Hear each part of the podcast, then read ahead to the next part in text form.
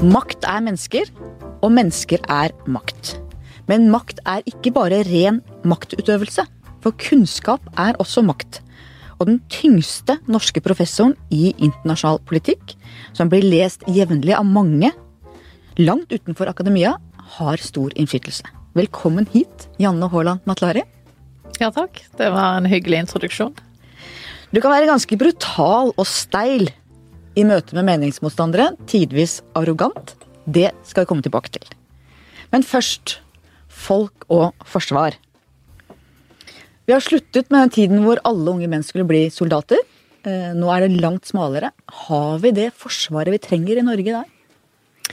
Ja, det forsvaret vi trenger er jo ikke basert på verneplikten, da. Eh, sånn at det er ikke masseforsvaret som Napoleon for øvrig fant på, og han kunne da bruke opp hundretusener i eh, vanvittige felttog. Nei, eh, det man trenger er jo et teknologisk avansert forsvar, men det må ha eh, volum nok eh, til å ikke bare være noen spredte kapasiteter. Så det er dette med balanse som er mellom luft, sjø og vann, og nå også cyber, som er en, håper å si, kamparena eh, som alltid vil være med i militær sammenheng, og kanskje vil stå alene som et, en angrepsform. Eh, så man må ha eh, etterretning, man må ha kamp, vil, kampevne fra luft, fra sjø, under sjøen. Eh, men det må også være eh, kampevne på land. Nok, er det nok folk i dag? Altså, det er jo hele tiden en balanse, som du sier. ikke sant? Hvor mange? Og alle er vel enige om at vernepliktsforsvaret, hvor alle unge menn skulle ut, eller nå også kvinner, det er vi ferdige med. Men så er det jo et, et, eh, en grense der òg. Er vi på riktig side av den grensen når det gjelder hvor mange vi kan mobilisere av mennesker? Ja, vi kan jo ikke mobilisere egentlig noe særlig. Det er en liten reserve av de som nettopp har vært ute i verneplikten, som kan mobiliseres. Men i dag vil jo folk eh, Folks evne til å operere avanserte våpen, som også gjelder i, i en hær, den vil jo forsvinne og forvitre veldig raskt. Så det er jo et Fordi det er teknologisk eh, mye høyere nivå nå, så trenger man profesjonelle. Så det er det profesjonelle forsvaret vi snakker om. Og verneplikten er jo primært da en sånn rekrutteringsbrønn som er unik, i og med at den ligger i Grunnloven. Og vi får jo veldig, veldig gode folk fordi de blir kjent med Forsvaret gjennom verneplikten, og så verver de seg eller går videre. Eh, men eh, når det er sagt, så må man jo ha en viss størrelse på en hær. Etter, eh, etter min vurdering så er det en veldig forskjell på å ha den brigaden vi har nå, som er et slags minimum. Det er altså det er infanterister, det er panser, det er støttefunksjoner. Og det samvirker i et system. Så hvis man ikke skal ha det lenger, så vil man kanskje bare ha noen spesialstyrker, noen militser, som da vil være utilstrekkelig både for å ha en kampevne i utgangspunktet, hvis det blir nødvendig, og for å betjene da allierte som måtte komme. Det finnes jo dem som sier at, ikke, at, man i dag ikke kan forsvare en bydel i Oslo, men det kan jo ikke være riktig. Jo, det, det er jo riktig i den forstand at det volumet som er på denne lille hæren, hvis du hvis du har en invasjon av Majorstua, så vil du jo trenge denne lille hæren for å slå den tilbake. Eh, men det er ingen som ser for seg en, et invasjonskonsept eh, av kaldkrigsmerket. Og skulle det bli Skulle det liksom komme inn styrker av noe størrelse, la oss si i Finnmark fra øst, så ville det jo være en situasjon som ville påkreve alliert eh, medvirkning. Norge har jo en avtale med amerikanske US Marine Corps, som er 18 000 mann og kvinner i, eh, i USA, og vi har jo veldig store forhåndslagre i Trøndelag. Så det vil kreve egentlig en hel norsk bataljon, 800 pluss, for å kunne Eh, ta imot amerikanske styrker. For å kunne være i beredskap skulle man ta ut disse eh, våpnene og ta imot amerikanerne. Så det å ta imot, det vil kreve ganske mye. Så det lille norske forsvaret må da ha en, en liten, kan man si, en kampevne i første fase.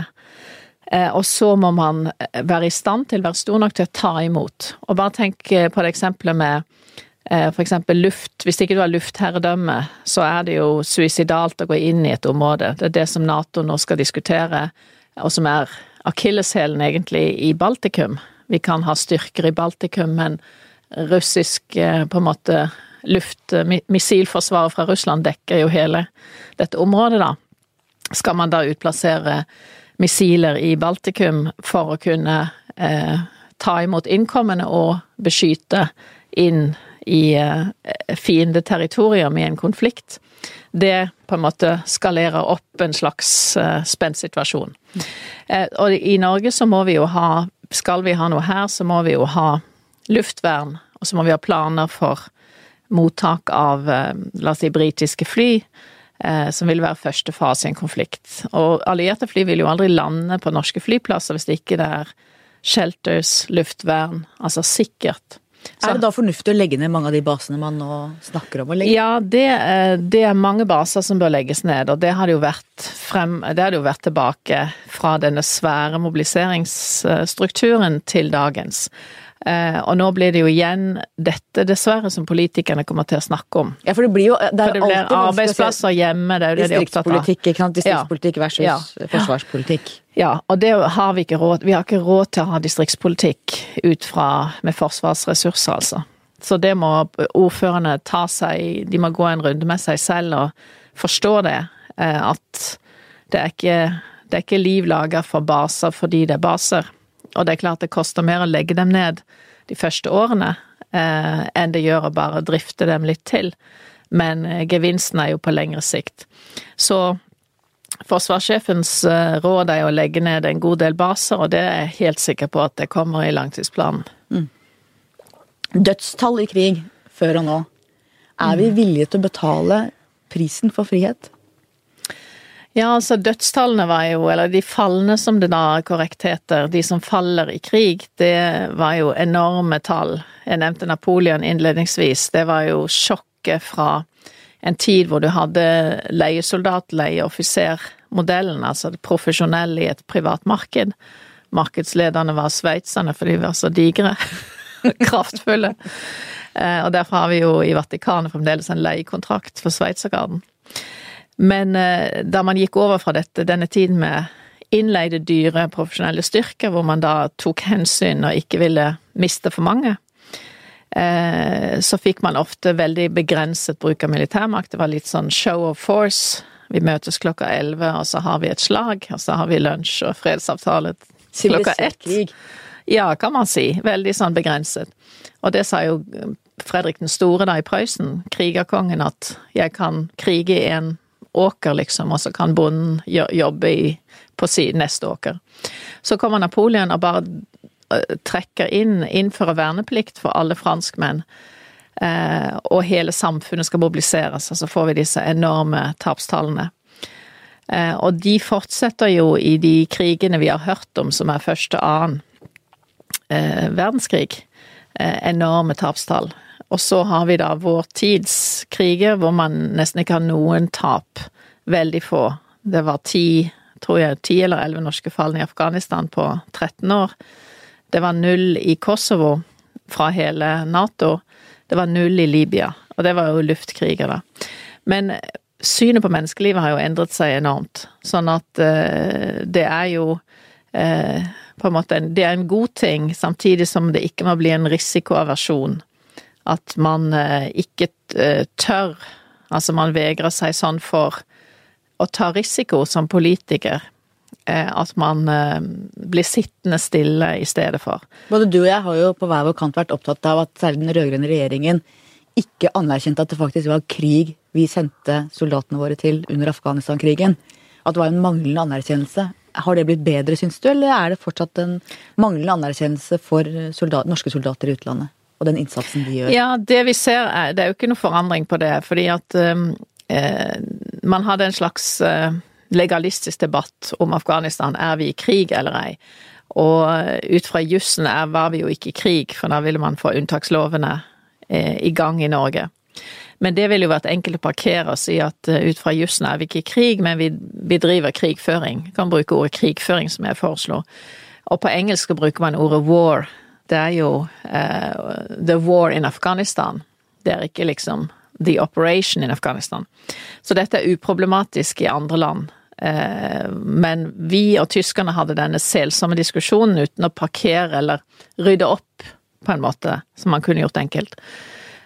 Så er det jo det at all denne All forskningen om dette som jeg også holder på med, viser jo at politikerne snakker om det humanitære, de begrunner militærmakten med den gode sak. Det er kanskje ikke unikt, men man begrunner det med noe militært, og man snakker helst om det militære. Ser man på britene, så snakket de om The enemy is in helmet'.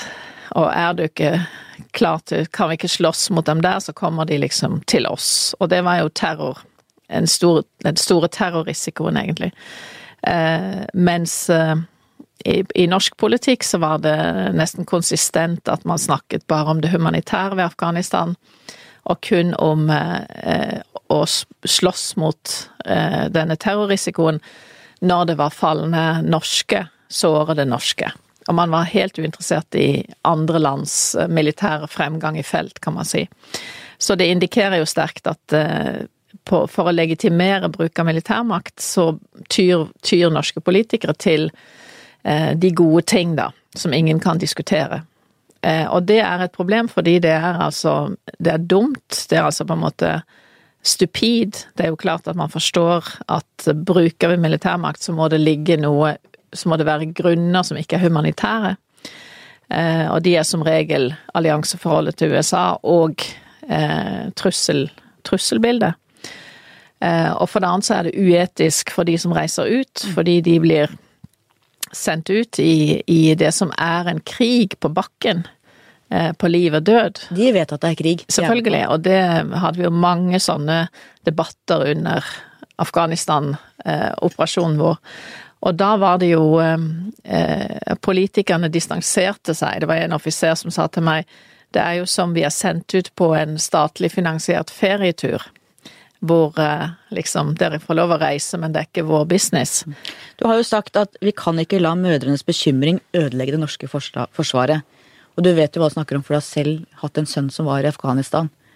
Du må ha vært ganske sint?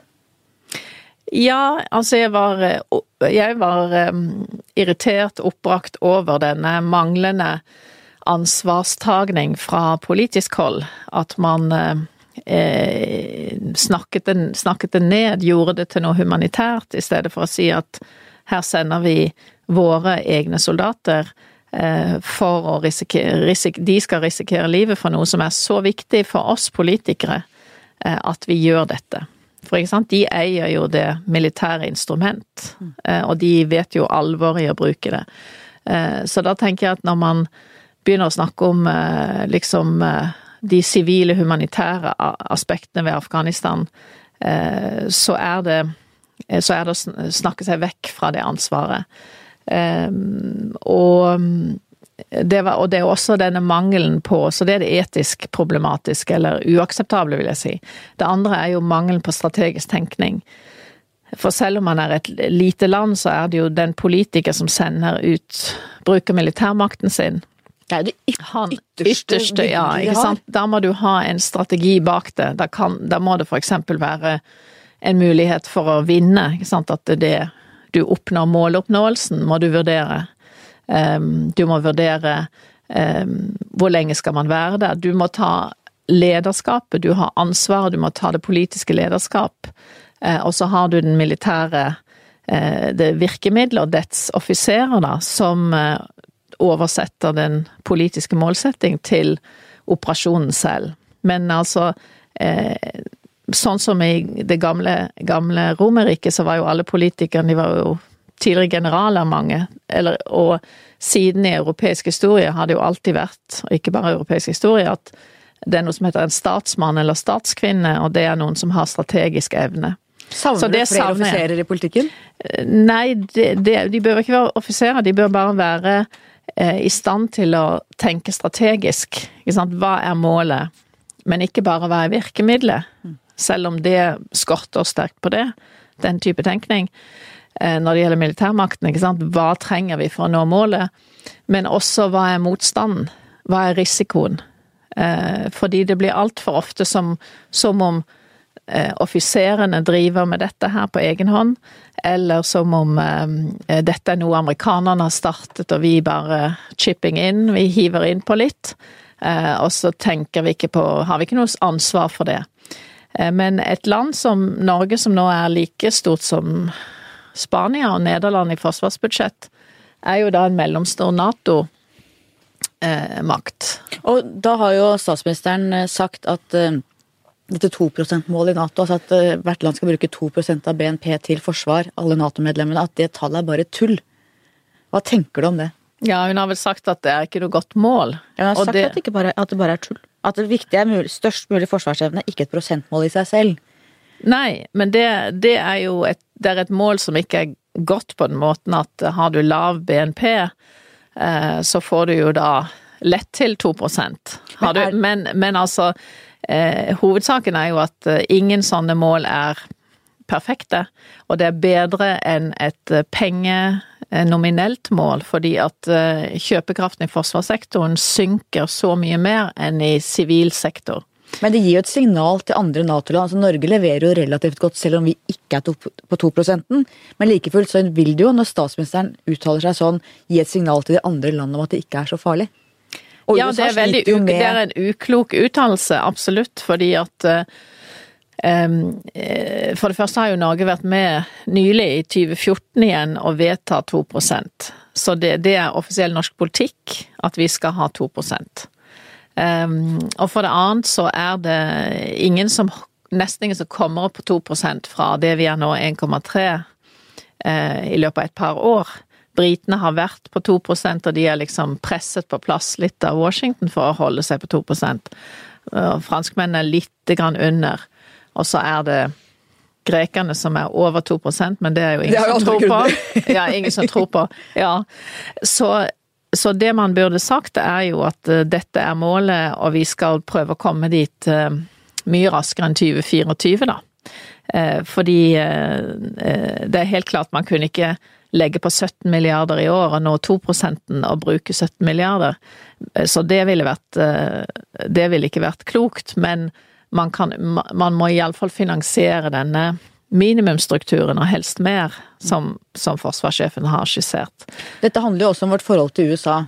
Donald Trump, tenker du at det er farlig for oss hvis han blir valgt, eller hva tenker du om valgkampen? Nei, jeg tenker vi kan jo ikke, tenke, vi kan jo ikke basere oss på at man ikke får Donald Trumper i amerikansk politikk, eller i andre lands politikk. Eh, fordi vi eh, Hele denne, kan man si, nivået under presidenten, alt som går på det militærpolitiske samarbeid Norge-USA, det går utmerket, og det er ingen tvil om at amerikanerne tar den allianseforpliktelsen eh, absolutt alvorlig, så det er ingen, det er ingen fare med det. Eh, men det er klart at eh, den som bestemmer til syvende og sist, er jo den som er commander in chief, som da er presidenten. Eh, og det Trump sier, det vil sikkert bli moderert hvis han blir valgt. For jeg tenker at en politiker er primært opptatt av innenlandspolitikk. Kan som regel ingenting, eller veldig lite om utenriks og sikkerhet. Og det gjelder jo i dette tilfellet. Dette, han har ikke peiling på verden. Så han vil jo ha National Security Advisor, han vil ha Pentagon, han vil ha Utenriksdepartementet, han vil ha alle disse ekspertene som vil på en måte omringe ham og gi ham opplæring. De sier om den amerikanske så, konstitusjonen ja. at den er så genial at selv en idiot kan styre USA. Og nå blir jo det satt på prøve, dersom han vinner. Ja, altså jeg tenker at han eh, han, vil, eh, han vil ikke gjøre noe helt på en måte sjokkerende med utenrikspolitikken som vil gjøre at USA mister eh, lederskapsfunksjonen i verden. Men eh, det som er riktig, og som han vil forsterke, er presset på de europeiske allierte om å betale sin del. Og nå er USA står for 75 eller 77, en varierer litt i estimatene. Altså la oss si 75% av Natos samlede budsjett. Og her er det 28, snart 29 land. Så dette sier veldig mye at uh, europeerne har slappet av og hele denne perioden nå med Russlands sabelrasling og bruk av militærmakt de siste årene har jo ikke brakt europeerne ut av fatning. De bare holder på med sin på en måte vanlig politikk, og kutter egentlig. Det eneste man kan si nå, er at liksom man, man stabiliserer fallet i forsvarsbudsjettene. Så det amerikanerne har helt rett i at europeerne bare tenker at dette denne type seriøse problemer, denne, dette får amerikanerne rydde opp i. Og, og det der, tror jeg ikke de vil Og der er jo ikke Donald Trump alene heller. Men la oss snakke Nei. litt om Russland. Altså hvor Hvilken fare utgjør Russland nå for stabiliteten i våre nærområder og globalt? Ja, altså hvis man hadde hørt på hva russerne sa eh, i mange, mange år, så, så, hadde man jo ikke vært overrasket nå. Eh, for russerne har jo en De er realpolitikere. De vil eh, utfordre dagens status quo, som er blitt innlemmelse av østeuropeiske land, stadig flere i Nato og EU. De vil reetablere en sikkerhets... en slags buffersone, eller de vil reetablere sin innflytelse i det tidligere Sovjetunionen. Og de anser jo det som deres legitime rett, at dette var eh, Dette var det området vi hadde innflytelse i. Og de tenker jo strategisk og sikkerhetspolitisk. Europeerne tenker jo ikke sikkerhetspolitisk eller strategisk Hvorfor i det hele tatt. Hvorfor gjør vi ikke det? Nei, altså det er jo blitt dette Man har slappet fullstendig av etter 1990. Så der hvor Nato på en måte holdt det gående med sånn NATO-Russia Council og samtaler med russerne, så var det jo på en måte bare for å være hyggelig å ha en partner da, som skulle være som ethvert annet europeisk land. Mens for russerne var jo dette Burde jo dette vært da et sted hvor man snakket strategi og en maktfordeling i Europa. Eh, nesten en slags en Jalta-tenkning. Hvor skal dere holde dere, dere i Nato, og hvor skal vi ha innflytelse? Eh, og så har jo da Nato ikke forstått, eller villet forstå, europeerne har jo ikke vært De har ikke hørt på det øret i det hele tatt. Eh, og nå har russerne på en måte fått eh, ev, militær evne til å slå tilbake en del.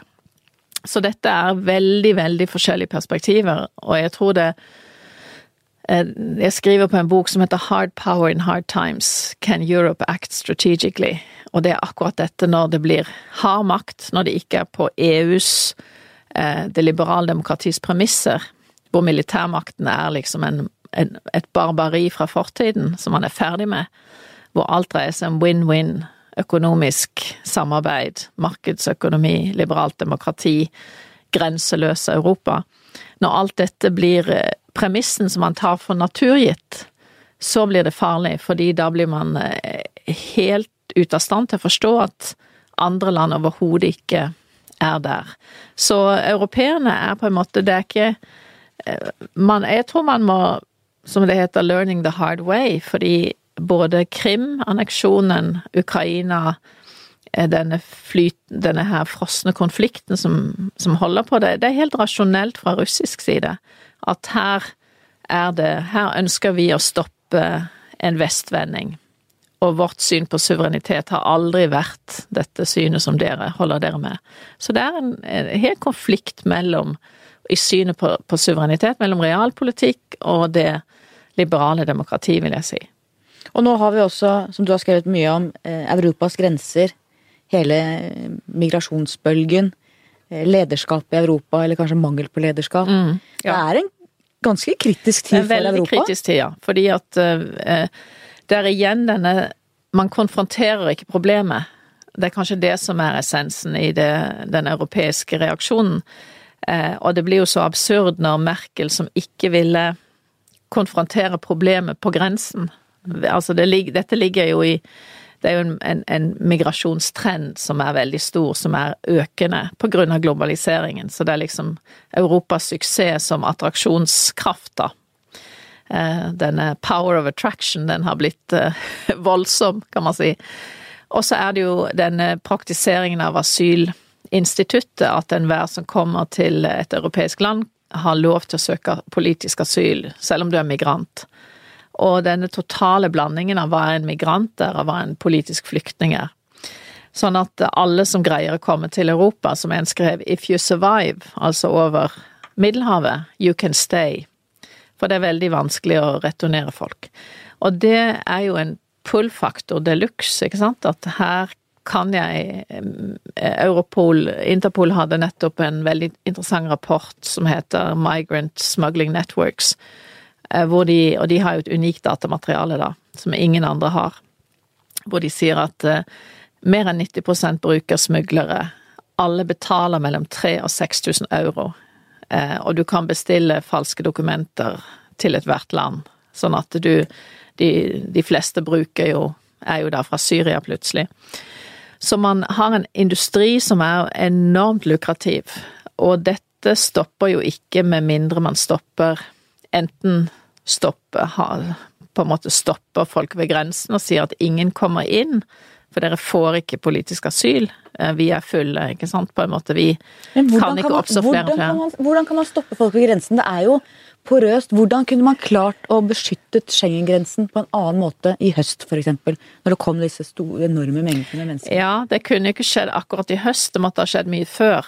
Og det var jo EUs forpliktelse når EU-landene oppga indre grensekontroll, og det er mange, mange år siden så skulle ytre Schengen-grense være patruljert, kontrollert. Fordi kun de med visum skulle komme inn. Eh, og det har jo vi gjort på Storskog. Eh, men det har jo da ikke noen gjort i Hellas. Eh, spanjolene har jo betalt seg ut av det. De har bygget barrierer på Ceuta Melia på Marok Marokko-siden, og har avtaler hvor de bruker EU-midler til å betale marokkanerne for ikke å la migranter komme over. Så det har vært ekstremt få over Gibraltar og over til Spania. Eh, og Libya er jo da et, eh, et uregjerlig område med mye ISIL-dominans, og eh, Tyrkia er jo en historie for seg. Men altså, problemet er jo delvis eh, Så man kunne ikke bygd fysiske grensekontroller i løpet av en måneds tid og fått det opp. Eh, men problemet er jo dypere enn det, for det ligger jo i denne holdningen til at har makt, altså det å si at eh, vi må ha grensekontroll, ikke minst av terrorfaren, eh, og vi har det ikke, vi må gjøre noe her, det har jo Merkel vil ikke ta i dette. Ja, Hva tenker du om Merkels håndtering av hele denne situasjonen? Ja, jeg er veldig skuffet over henne personlig, for jeg syns hun var en fantastisk politiker som alltid var så saklig, som alltid var så fornuftig, som aldri lot emosjoner spille en rolle. Eh, altså, jeg mener positivt at du må vurdere eh, Altså at politikk handler om å ta avgjørelser og forholde seg til realitetene, ikke om eh, å være politisk korrekt. Men jeg tror at det er så vanskelig for en tysk kansler å ha innføre grensekontroller så jeg tror det må være noe av forklaringen. Og hennes bakgrunn som Ja, hennes bakgrunn som luthersk eh, pastordatter fra DDR med liksom en ideologi om Nesten pasifistisk ideologi, eh, hvor eh, Nei, hvor, hvor, hun Og så tror jeg kanskje hun gjorde en feil, altså alle gjør jo feil, og når du først har sagt én ting, så er det vanskelig å gå tilbake på det. Men det som har skjedd, er jo at andre land da innfører grensekontroller, brenner passet, Østerrike, samme Balkanland. Og UDI hadde jo en rapport forrige uke hvor man eh, Jeg har ikke referansen på det, men jeg leste om den. At eh, det som stoppet strømmen til Norge, er jo de fysiske grensekontrollene nedover i Europa. Det er ikke hva man får her og hva man får der asylpolitikken Man trenger jo et nytt internasjonalt regelverk, som du sier. Dette at det er de sterkeste som kommer hit, ikke nødvendigvis de som trenger mest beskyttelse. Men det er jo et langt lerret å bleke, da. Hva skal man gjøre nå? Ja, vi hadde en stor konferanse i Justisdepartementet forrige uke hvor eh, Paul Collier, den eh, kjente økonomen fra, Oxford, var en taler. Og han sa jo at det er for lite public policy og for mye individuelle menneskerettigheter i dette. At det blir sånn juristenes domene at uh, her har du rett til det, rett til det, rett til det. og Frode Forfang fra UDI snakket jo også om at her må vi slutte å praktisere dette asylinstituttet, slik at alle kan søke når de kommer til en grense. og det, og det er jo opp Egentlig er jo det opp til hvert enkelt land å tolke hvordan man skal tolke dette. Men altså, det er klart at 51-konvensjonen eh, om flyktninger, den ble jo skrevet for å håndtere politiske flyktninger i Europa etter annen verdenskrig.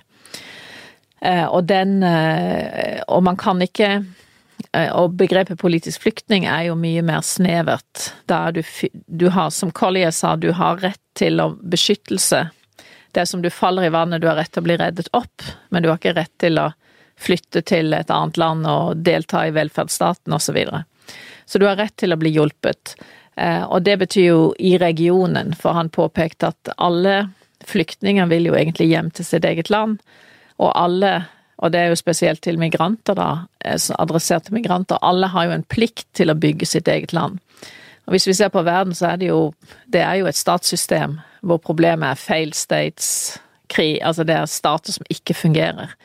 Og den eneste måten å få det til, er at de dyktige som har penger til å flykte, eh, blir og, og, er med for å eh, bygge det igjen. Så jeg er veldig forundret over at man liksom har, i stedet for det store, viktige politiske bildet her, så har man liksom eh, et sånn bitte lite snevert bilde at eh, enhver som kommer til en grense kan søke asyl.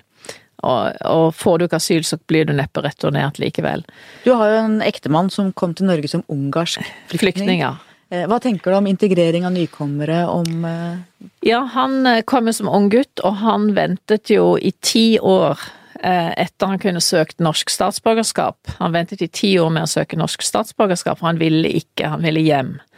Og han kom aldri Han kunne ikke reise hjem, for faren hans hadde vært general og var blitt anklaget ikke sant, av kommunistene. Han ville ikke samarbeide med kommunistene og være tyster for dem, så han ble jo faktisk torturert til døde i 1961 i Ungarn.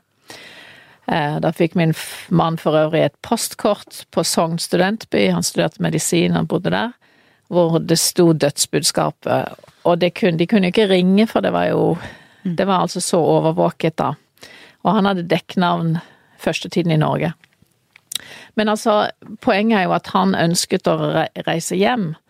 Eh, mens veldig mange av de som kommer, har jo ikke noe De er ikke, de er ikke på en måte skjøvet ut eh, fordi det er livsfarlig hjemme, fordi de er politisk aktive, eller Altså på en måte, de har ingen De har ambisjon om å bli fremfor å reise hjem. Eh, og de Og det mener jeg jo det Og hvis du da må bli, så må du jo eh, lære språk, du må jobbe, du må, du må virkelig bidra. Eh, og det tror jeg ungarerne som kom, gjorde jo det. Ikke sant? De var jo veldig velutdannet, mange som kom, og de hadde jo en veldig klar plikt til, eh, til det politiske system som fantes her. For det er jo det samme på en måte liberale demokratis premisser. Eh, men nå er det jo Nå snakker vi om Selv om vi kaller dem flyktninger, så er det jo kanskje krigsflyktninger og eller migranter. Så det er jo helt, noe helt annet vi snakker om.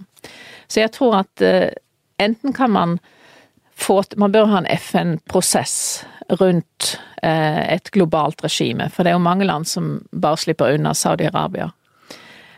Og så må jo europeerne De må de, EU klarer ikke å presse gjennom en overnasjonal politikk, fordi dette ligger helt i kjernen av suvereniteten skal jeg ha migranter i mitt land? Det er et økonomisk spørsmål ofte. Et demografisk spørsmål. Svaret er nei for de fleste europeiske land i dag, mens det er ja i land som USA og Australia, for de vil ha immigranter. Skal vi ta flyktninger? De fleste land sier ja, men det er jo minimale kvoter i forhold til dette behovet. Eh, så hvis ikke man klarer å få en realistisk politikk i EU, så vil det jo bli land etter land som bare lukker grensene. Frykter du at EU kan gå i oppløsning på dette, eller? Ja, nå er det jo Det er jo slik at internasjonale organisasjoner, de går De går sjelden i oppløsning. Eh, jeg har bare to eksempler. Det er Warszawapakten og Vestunionen som ble opptatt i EU. Eh, Folkeforbundet. Eh, nesten alle andre fortsetter. Sånn at akkurat som FN er i krise nå, ja, men FN fortsetter. Eh, så EU vil fortsette, men vil antageligvis bli mye mer marginalisert. Eh, det kommer an på hva britene ender med, da, på brexit. Men selv om britene blir, så ser jeg for meg at EUs eneste måte å overleve på med, med relevans, altså som, som den betydnings, mest betydningsfulle aktør i Europa, det er hvis du får mer av den franske l'Europe de patrie nasjonalstatenes Europa. Eh, fordi at eh, migrasjon, flyktning, grensekontroll, eh, forsvar, politi det, alle disse maktmidlene, alt det som har med eh, sikkerhet å gjøre. Trygghet, økonomisk velstand også innbefattet. Det tilligger intimt nasjonalstaten, fordi det er den sosiale kontrakten.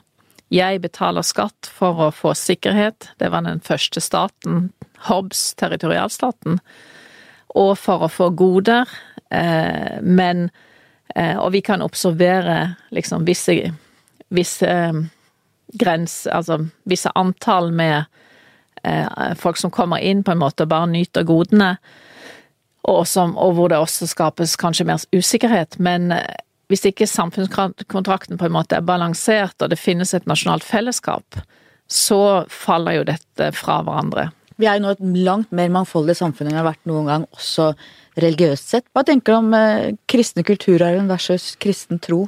Plasseringen av det Ja, det er jo klart at kulturarvens betydning svekkes jo hvis man ikke har noen som tror på kristendommen som religion. Men det er jo et tids... Altså, du kan ha et et samfunn preget av denne kristne kulturarven mye lenger enn sekularisering. Sekulariseringen går, på det personlige planet går jo mye fortere.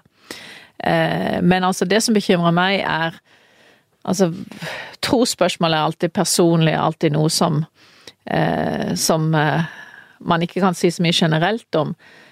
Men det som er bekymringsfullt, er mangel på kunnskap. Og da mener jeg sånn konkret kunnskap om historie, filosofi, litteratur, vestlig kulturarv, vestlig sivilisasjon. Som er jødedom, som er jødedom, som er kristendom primært. Og islam spilte veldig liten rolle i europeisk utvikling, bortsett fra gresk filosofi som vandret og ble foredlet, kan man si, oppbevart eh, og utviklet i Midtøsten mellom denne mørke middelalder fra tidlig og til 1200-tallet.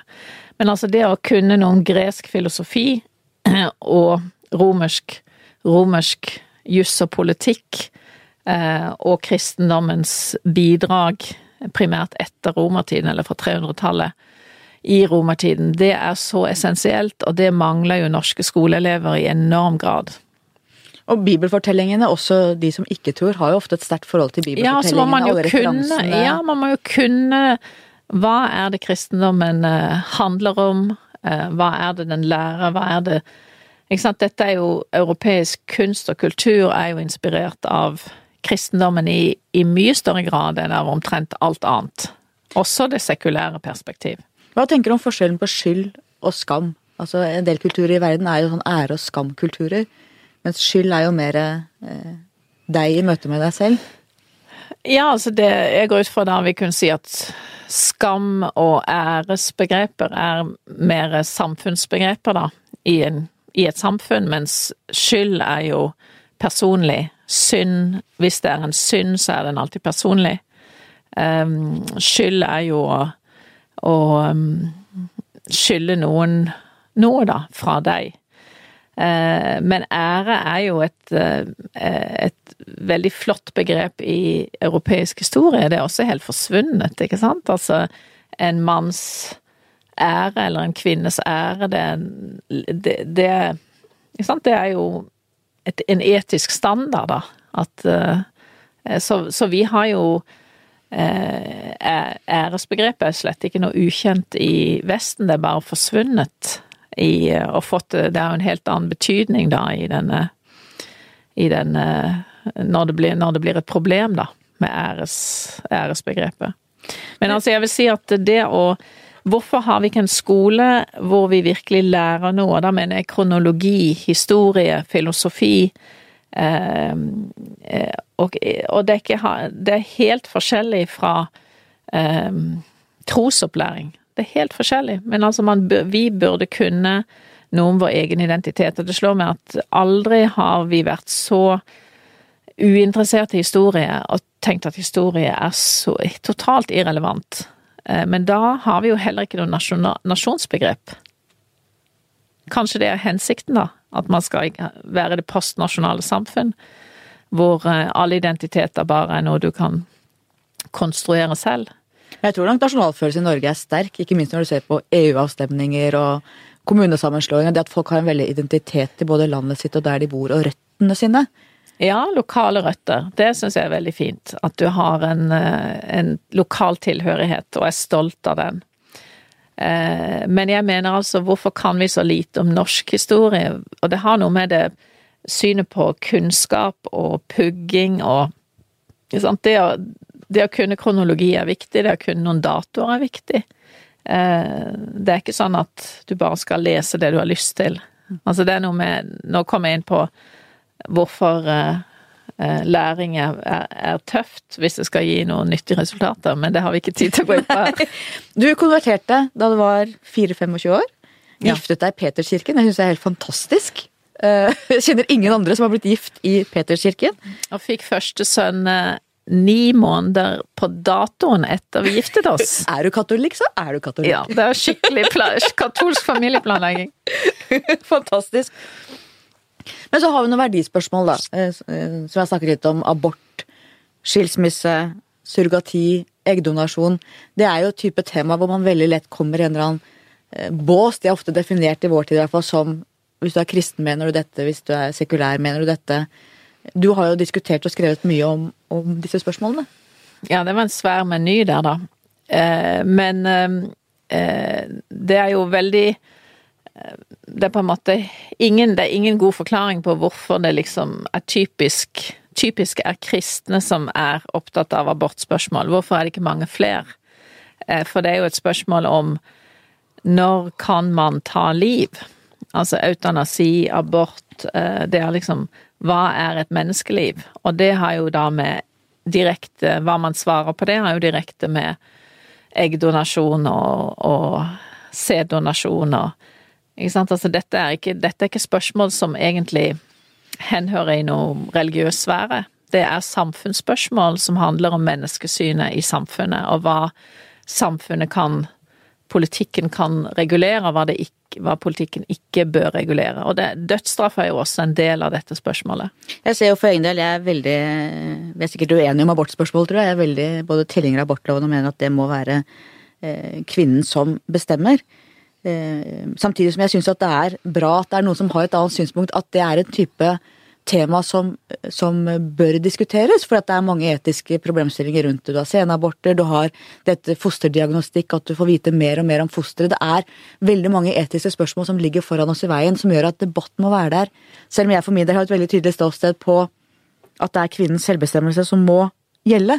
Men det griper jo også, som du sier, inn i surrogati, eggdonasjon Eh, som jeg har skrevet mye om, og, og som jeg tror noen blir forvirra fordi at jeg ikke er på en måte KrF-segmentet, men jeg likevel er veldig opptatt av at det bør være forbudt.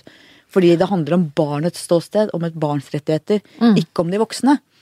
Men det er også noe med at eh, KrF-segmentet er på en måte de eneste, eller i hvert fall blant de få, som snakker om dette mm. fra et restriktivt synspunkt. Og det syns jeg er rart. Ja, jeg syns den norske jeg vil ikke si den norske debatten, for den er jo ikke-eksisterende på abort, eksempel. Men den norske på en måte ansatsene til debatt rundt disse spørsmålene, den er uhyre Skal man si, merkelig, uhyre primitiv, egentlig. Det blir så politisert, for det er jo så mange kvier seg for å ha noe som helst debatt om disse si, livsviktige spørsmålene, fordi da blir du puttet i en eller annen bås. Da er du puttet i denne kristen fundamentalistbåsen, kanskje. Eh, eller altså, du får imot deg på en måte en kvinnebevegelse som er liksom helt rabiat. Vi må Det er sånn Skal ikke diskutere Det er ingen, ingen nyanser i noen ting.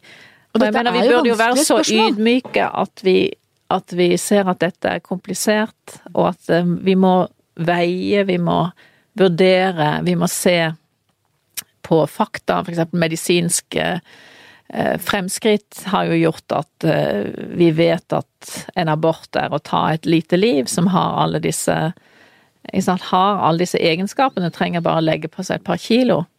Ikke sant? Sånne, sånne, så en abortgrense blir Det blir gærent. Eh, det er mye mer lett å innse at det, at det er, vans, at det er eh, problematisk. Det er mye mer problematisk nå enn det var for 20 år siden, når man visste mindre. Eh, og disse surrogatimulighetene er jo blitt til i den senere tid. Eh, og dette at du kan ta ut et egg, sette det inn igjen, befrukte det. Eh, Altså, dette er jo noe som Dette er nye problemstillinger, men de, de, det er en del fakta ved dem som man må måtte akseptere, og så kan man kanskje være uenig, men, men det blir veldig sånn skyttergrav med en gang. Så man Jeg sier ofte som en vits at det er, det er så befriende enkelt å drive med krig og fred. Fordi at det er mye mer fredelig å studere krig enn å være med i disse debattene. Men ser du noe alternativ til dagens abortlov? Ja, dette kan jeg ikke så Altså, dette kan jeg ikke veldig mye om. Jeg syns jo at eh, Du sier hvem skal bestemme? Hvis noen skal bestemme, eh, så er det jo eh, Hvis det er spørsmål om en nemnd eller kvinnen, eh, så er det jo Denne nemnden har jo ingen Bør ikke ha noen betydning. Dette er jo fremmede mennesker. Eh, så det må jo være barnets foreldre, da, eller fosterets foreldre, som har 50-50 eh, stakes i dette. Samtidig så er det kvinnen som bærer det frem og føder det og ammer det. Hvilket tilsier at kvinnens votum skal være mye tyngre. Eh, så det er jo ikke noe godt svar på dette i det hele tatt, hvis noen skal bestemme. Eh, og dette som barnet, som da fremdeles er foster, eh, har jo ingen rett til noe som helst. Så, mm, så jeg tenker jo at det beste er å, er å, bli født, og kanskje bli adoptert bort, men det er jo også Det er jo helt ute som alternativ i vår tid. Så dette er veldig, veldig vanskelig.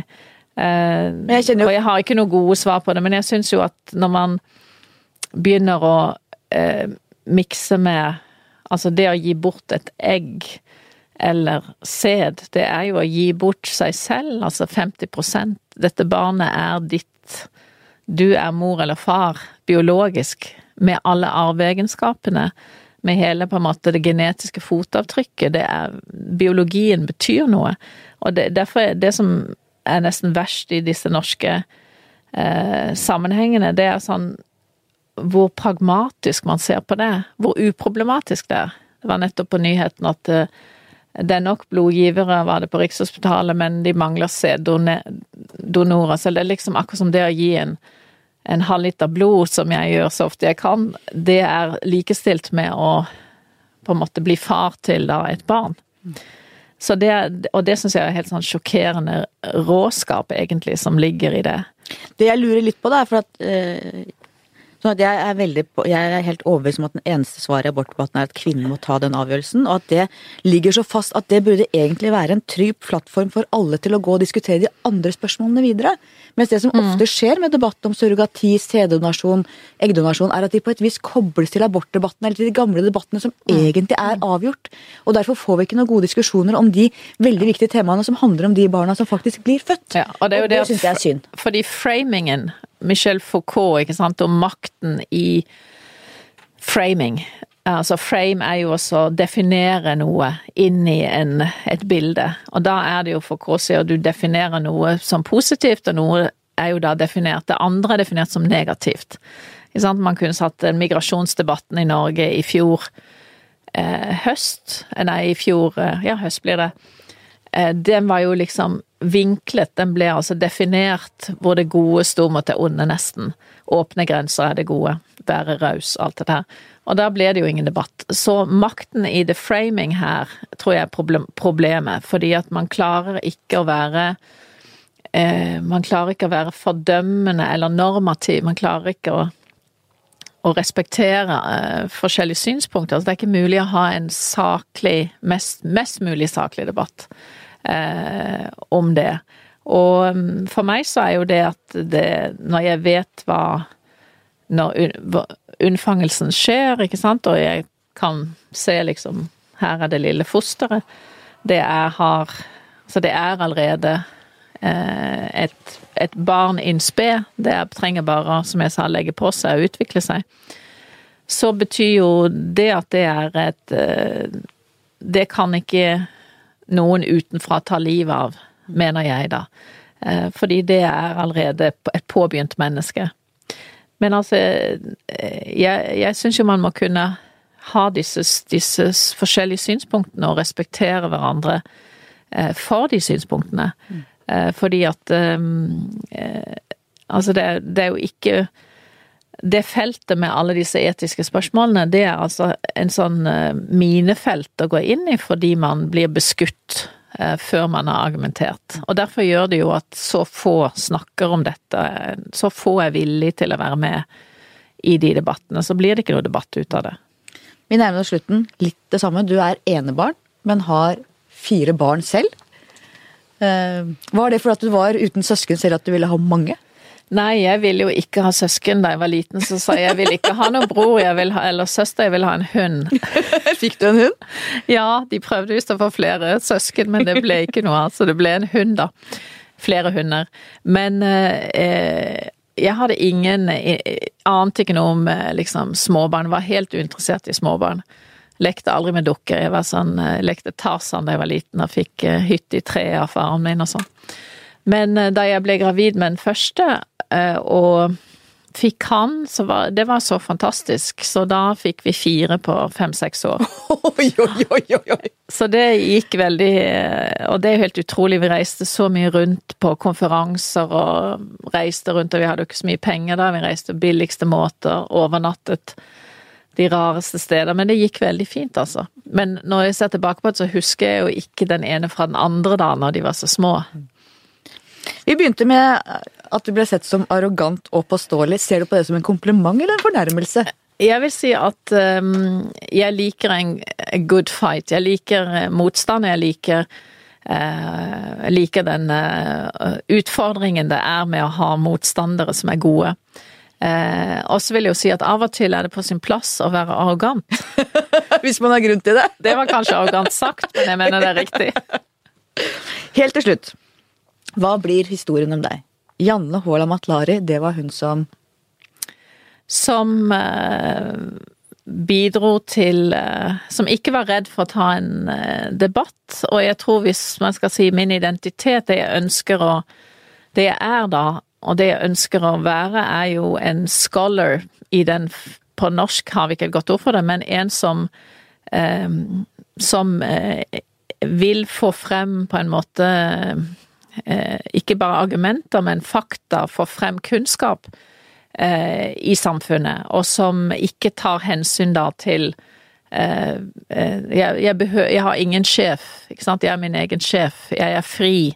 Den akademiske frihet, og den er så viktig. Det er dere journalister og vi akademikere som har den friheten, og den, den er ofte, ofte så mye hensyn man argumenterer eh, ut fra ståsted. Det er så mye makt som ligger i eh, steder man er ansatt eh, i vår tid, sånn at det å ha noen som kan på en måte bare eksponere tingene som de er, og ta, utfordre debatt, det tror jeg er veldig viktig. Så jeg håper at jeg er en akademiker som ikke viker tilbake for å snakke om på en måte å snakke om ting, og, og som er redelig i argumentasjonen.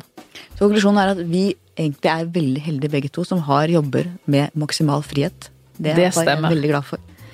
Tusen takk for at du kom. Takk til deg som hørte på. Takk til produsent Magne Antonsen. Gjennom sommeren kommer vi litt mer sporadisk, det er ferietid, men vi kommer tilbake. Så vi høres igjen.